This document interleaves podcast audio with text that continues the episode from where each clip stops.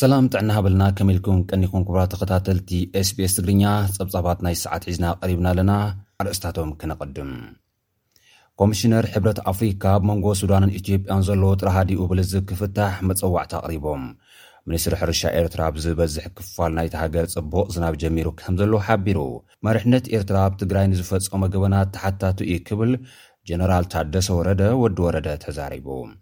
መንግስቲ ኢትዮጵያ መሰል ሰብ ለማዊ ሰልፊ ዜጋታቱ ከኽብር ኮሚሽን ሰብኣዊ መሰላት ናይታ ሃገር ጸዊዑ ሰልፈኛታት ተምሃሮ ብሓይልታት ጸጥታ ከም ዝተቐጥቀጡ እውን ሓቢሩ ኣሎ። ኣርስታት ዜና ክትከታተሉ ጸኒሑም ክቡራት ሰማዕቲ ናብ ዝርዝራቶም ክንሓልፍ ምሳና ጽንሑ። ኮሚሽነር ሕብረት ኣፍሪካ ኣብ መንጎ ሱዳንን ኢትዮጵያን ዘለዎ ጥረ ሃዲኡ ናብ ልዝብ ከቕንዕ መፀዋዕታ ኣቕሪቦም ኮሚሽነር ሕብረት ኣፍሪካ ሙሳ ፋቂ መሃማት ኣብ መንጎ ኢትዮጵያን ሱዳንን ዝተፈጥረ ወተሃደራዊ ጎንፂ ስክፍታ ከም ዝሓደሮም ገሊፆም ኣለዉ እቲ ወጥሪ ብልዝብን ክፍታሕ እውን መፀዋዕታ ኣቕሪቦም ሙሳ ፋቂ መሃማት ኣብ መግለፂኦም ኣብ መንጎ መንግስቲ ኢትዮጵያን ሱዳንን ዘሎ ወተሃደራዊ ወጥርን ዝሰዓበ ህይወት ምጥፋእን ስክፍታ ከም ዝሓደሮም ገሊጾም እዮም። እቶም ኣቦ ወንበር፣ ኣብ ክልቲኤን ኣሓት ሃገራት ዘሎ ዝኾነ ይኹን ምስሕሓብ ብልዝብ ክፍታሕ መጸዋዕታ ከም ዘቕረቡ'ውን ኤኤፍፒ ጸብጺቡ ኣሎ። ሱዳን፣ ወተሃደራታ ኣብቲ መሬተይ ትብሎ ኣልፋሽጋ ከም ዝተቐትሉዋ ክትከስስ ምጽንሓ ዝፍለጥ እዩ። ኣዲስ ኣበባ ብወገና፣ ሓይልታት ጸጥታ ሱዳን ንዶባት ጥሒሶም ናብ ኢትዮጵያ ብምእታው ምስ ምልሻ ተተዂሶም ከም ዝተቐትሉ እያ ትገልጽ። ማዕኸን ሓበሬታ ሱዳን ትሪቡን፣ ሰራዊት ሱዳን ብሰሉስ ኣብ ከባቢ ኣልፋሽጋ ኣብ ልዕሊ ዝርከቡ ወተሃደራት ኢትዮጵያ መጥቃዕቲ ከም ዝፈጸመ ዝጸብጸበ ኾይኑ፣ ወተሃደራዊ ወሃቢ ቃል ሱዳን ናቢል ዓብደላ ግን እቲ ተፈጺሙ ዝተብሃለ መጥቃዕቲ ነጺግዎ ኣሎ። ኣብ ልዕሊ ዝኾነ ይኹን መጥቃዕቲ ኣይፈጸምናን፣ ኣይንፍጽምን፣ ንምጥቃዕ እውን ኣይተለምናን። ግን ናይ ዝኾነት ትኹን ሃገር ወተሃደራዊ ሓይሊ ንዓለም ለኸ ዶብና ክሰግር ኣይንፈቅድን፣ ከምኡ ዝገብር እንተሃልዩ ክንከላኸል መሰል ኣለና እዩ ዝብል መልሲ ሂቡ ኣሎ። ኢትዮጵያ ኣብዚ ክረምቲ ንግድብ ህዳሴ ኢትዮጵያ ማይ ክትመልእ ትሸባሸብ ከምዘላ ዝፍለጥ እዩ። ዓሚ ካብ ኣፍልጦ ሱዳንን ግብጽን ወጻኢ ማይ ምምላኣ ተቓውሞ ኣበጊሱ ምንባሩ እውን ዝዝከር እዩ።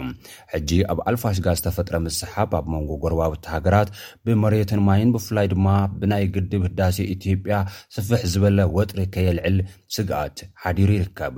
ሱዳንን ግብጽን ግድብ ህዳሴ ኢትዮጵያ ብምቅዋም ኣብ ምምላእ ማይን ምሕደራን እቲ ግድብ ስምምዕ ክግበር ክደፍኣ ዝጸንሓ ኮይነን እዚ ድፍኢት ብወገን ኢትዮጵያ ተቐባልነት ከምዘይረኸበ ዝፍለጥ እዩ። ሚኒስትሪ ሕርሻ ኤርትራ ኣብ ዝበዝሐ ክፋል ናይቲ ሃገር ጽቡቕ ዝናብ ጀሚሩ ከም ዘሎ ሓቢሩ። ጸብጻባት ትንበያ ዝናብን ኩነታት ኣየርን ከም ዘነጸሮ ንኤርትራ ሓዊስካ ኣብ ዝበዝሐ ሰሜናዊ ክፋል ምብራቕ ኣፍሪካ ካብ ወርሒ ሰነ ክስታብ ወርሒ መስከረም ተኽእሎ ንቡርን ልዕሊ ንቡርን ዝናብ ልዑል ምዃኑ ተገሊጹ ኣሎ። መሰረት ትንበያ ሜትሮሎጂ ካብ መፋርቕ ወርሒ ሰነ ትሒዙ ኣብ ብዙሕ ከባብታት ኤርትራ ደሓን ዝርግሐ ዝናብ ከም ዝተመዝገበ ሓላፊ ኣሃዱ ሕርሻዊ ሜትሮሎጂ ሚኒስትሪ ሕርሻ ኣቶ ተኸስተ ወልደ ገብርኤል ምግላፆም ማዕኸናት ዜና ኤርትራ ፀብፂበን ኣለዋ።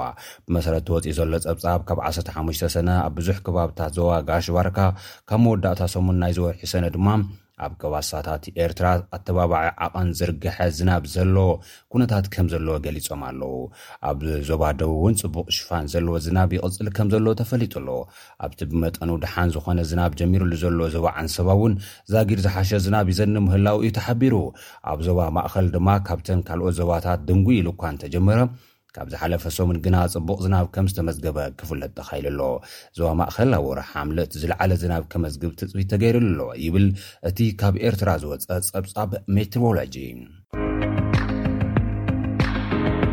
መሪሕነት ኤርትራ ኣብ ትግራይ ንዝፈጸሞ ገበናት ተሓታቱ እዩ ክብል ጀነራል ታደሰ ወረደ ወዲ ወረደ ተዛሪቡ እቲ ጀነራል ንዝኽሪ ቀዳማይ ዓመት ወፍሪ ኣሉላን ብመንግስቲ ፌደራል ዝቖመ ግዜያዊ መንግስቲ ተኣልዩ እቲ ብመረፃ ህዝቢ ዝቖመ መንግስቲ ትግራይ ናብ ቦትኡ ዝተመልሰሉን መብዛሕቲኡ ከባብታት ትግራይ ሓራ ዝወፀሉን ዕስራን ሓደን ሰነ ክልተ ሽሕ ዓሰርተ ሰለስተን ዓመተ ምህረት ኣመልኪቱ መግለፂ ሂቡ ኣሎ።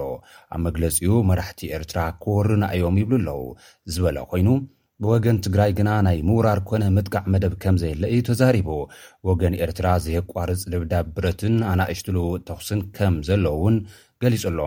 ሰራዊት ኤርትራ ዝፈጸሞ ግፍዕታት ዘይምዝካር'ውን ይሓይሽ እዩ ዝበለ እቲ ጀነራል፣ ኣዘዝቲ ሰራዊት ኤርትራን ፈጸምቲ'ቲ ገበንን ካብ ሰብኣውነት ዝወጹ እዮም ብምባል፣ ሕድሕድ ኣብቲ ወፍሪ ዝኣዘዘ፣ ዝተሳተፈን ዝፈጸመን ገበነኛ እዩ ክብል ከሲሱ'ሎ። እንተኾነ ኣብቲ ናትና ወለዶ ኮነ ኣብ ቀጻሊ ዘይርሳዕ ዝፈጸምዎ ገበናት ኣሎ። እቲ ገበናት ብመሪሕነት ሻዕብያ ኢሉ ዝጸውዖም ኣካላት ምስ ሰራዊቶም ካብ ተሓታትነት ከም ዘየምልጥሉ እውን ይገሊጹ። ዋና ኣዛዚ ሰራዊት ትግራይ ጀነራል ታደሰ ወረደ፣ ሰራዊቱ ብሓይሊ ሰብን ስልጠናን ዕጥቅን ንዝኾነ ልኡኽ ብዓወት ክፍጽም ዝኽእል ኣብ ዝልዓለ ብቕዓት ከም ዘሎ እውን እዩ ኣብሪሁ ዘሎ። መንግስቲ ኤርትራ፣ መሪሕነት ትግራይ ኣብ ልዕሊ ኤርትራ መጥቃዕቲ ንምኽፋት ይዳለወ ኣሎ ዝብል ክሲ ቅድሚ ኣዋርሕ ምቕራቡ ዝዝከር እዩ። ጀነራል ታደሰ ወረደ ብወገኑ ነቲ መግለጺ ኣሉታዊ መልሲ ብምሃብ ህዝቢ ኤርትራን ህዝቢ ትግራይን መጻልእቲ ኣይኮነን ኢሉ ኣሎ። ብደም ዝጠልቀየ ዝበሎ መሪሕነት ኤርትራ ግን ኣብ ምትኹታኽ ከምዝርከብ እዩ ገሊጹ። ብዛዕባ እቲ ብጀነራል ታደሰ ወረደ ዝተውሃበ መብርሂ ዝምልከት ብወገን መንግስቲ ኤርትራ ዛጊድ ዝተውሃበ ሓበሬታ የለን። እቲ ጀነራል ኣብ መወዳእታ ህዝቢ ትግራይ እቲ ዘጋጠሞ ከቢድ ሓደጋን ግፍዕን ንዘላእለም ከይድገም ንምግባር ኩሉ ብጥንቃቐ ይስራሕ ከምዘሎን ሰራዊት ትግራይ እዚ ንምግባር ኣብ ዝለዓለ ምድላው ከምዘለዎን'ዩ ኣረዲኡ ዘሎ። መንግስቲ ኢትዮጵያ መሰል ሰላማዊ ሰልፊ ዜጋታቱ ከኽብር ኮሚሽን ሰብኣዊ መሰላት ናይቲ ሃገር ጸዊዑ። ሰልፈኛታት ተምሃሮ ብሓይልታት ጸጥታ ከም ዝተቐጥቀጡ እውን ሓቢሩ ኣሎ። ኢሰመኮ ኣብ ዘውጽኦ መግለጺ ኣብ ምዕራብ ኦሮምያን ቤንሻንጉል ጉምዝን ብዕጡቓት ንዝተፈጸሙ መጥቃዕትታት ኮኒኑ፣ ኣብቲ ከባቢ ንዝተመዛበሉ ሰባት ቀረብ ሰብኣዊ ረድኤት ከምዘየለ ብምሕባር ክቐርብ ሓቲቱ'ሎ። ነቲ ግፍዕታት ንምውጋዝ ኣብ ዩኒቨርሲታት ኣዲስ ኣበባን ባህርዳርን ሰልፊ ኣብ ልዕሊ ዝወጹ ተምሃሮ መንግስቲ ዝወሰዶ ናይ ምቕጥቃጥ ስጉምቲ ብምቅዋም መንግስቲ መሰል ሰላማዊ ሰልፊ ዜጋታቱ ከኽብር ሓቲቱ ኣብ ልዕሊ ሰላማውያን ሰባት መጥቃዕቲ ንዝኸፈቱ መንገስቲ ተሓግተቲ ክገብር ዝጸወዕ ኮይኑ በቲ ሰልፊ ዝተኣስሩ ሰባት እውን ብህጹጽ ክፍትሑ ጸዊዑ ኣሎ። ክቡራት ተኸታተልቲ ኤስቢኤስ ትግርኛ ነዚ ሰዓት ዝተሰናድኡ ጸብጻባት እዞም ዝተኸታተልኩሞም ይመስሉ ነይሮም። ኣብ ቀጻሊ ብኻልእ ትሕዝቶ ክንራኸብ ኢና። ክሳብ ሽዑ ሰሰናይ ንምነየልኩም። ሰላም